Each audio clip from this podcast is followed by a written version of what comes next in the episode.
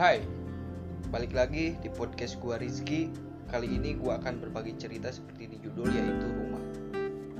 Buat kalian, rumah itu apa sih? Tempat ternyaman untuk pulang atau malah sebaliknya?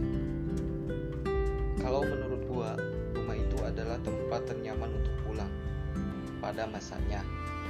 Tapi tidak dengan sekarang. Mengapa?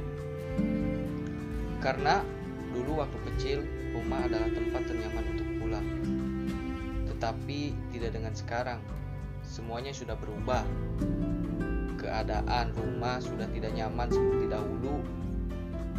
Untukku, rumah adalah tempat istirahat setelah beraktivitas seharian. Tanpa komunikasi, tanpa interaksi, dan tanpa sosialisasi. Semuanya hilang dalam sekejap. Aku rindu keadaan pada saat itu.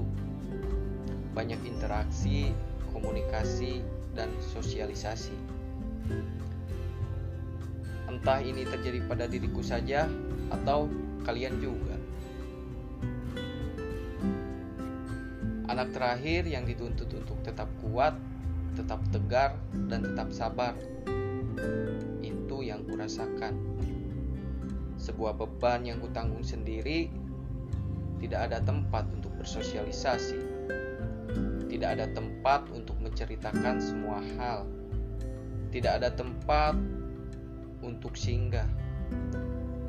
Semuanya hancur, entah diriku penyebabnya atau orang-orang di dalamnya yang merusaknya. Ah, entahlah. Hanya berdiam diri di kamar dan merenung sudah cukup bagiku. Tempat ternyaman sudah hilang.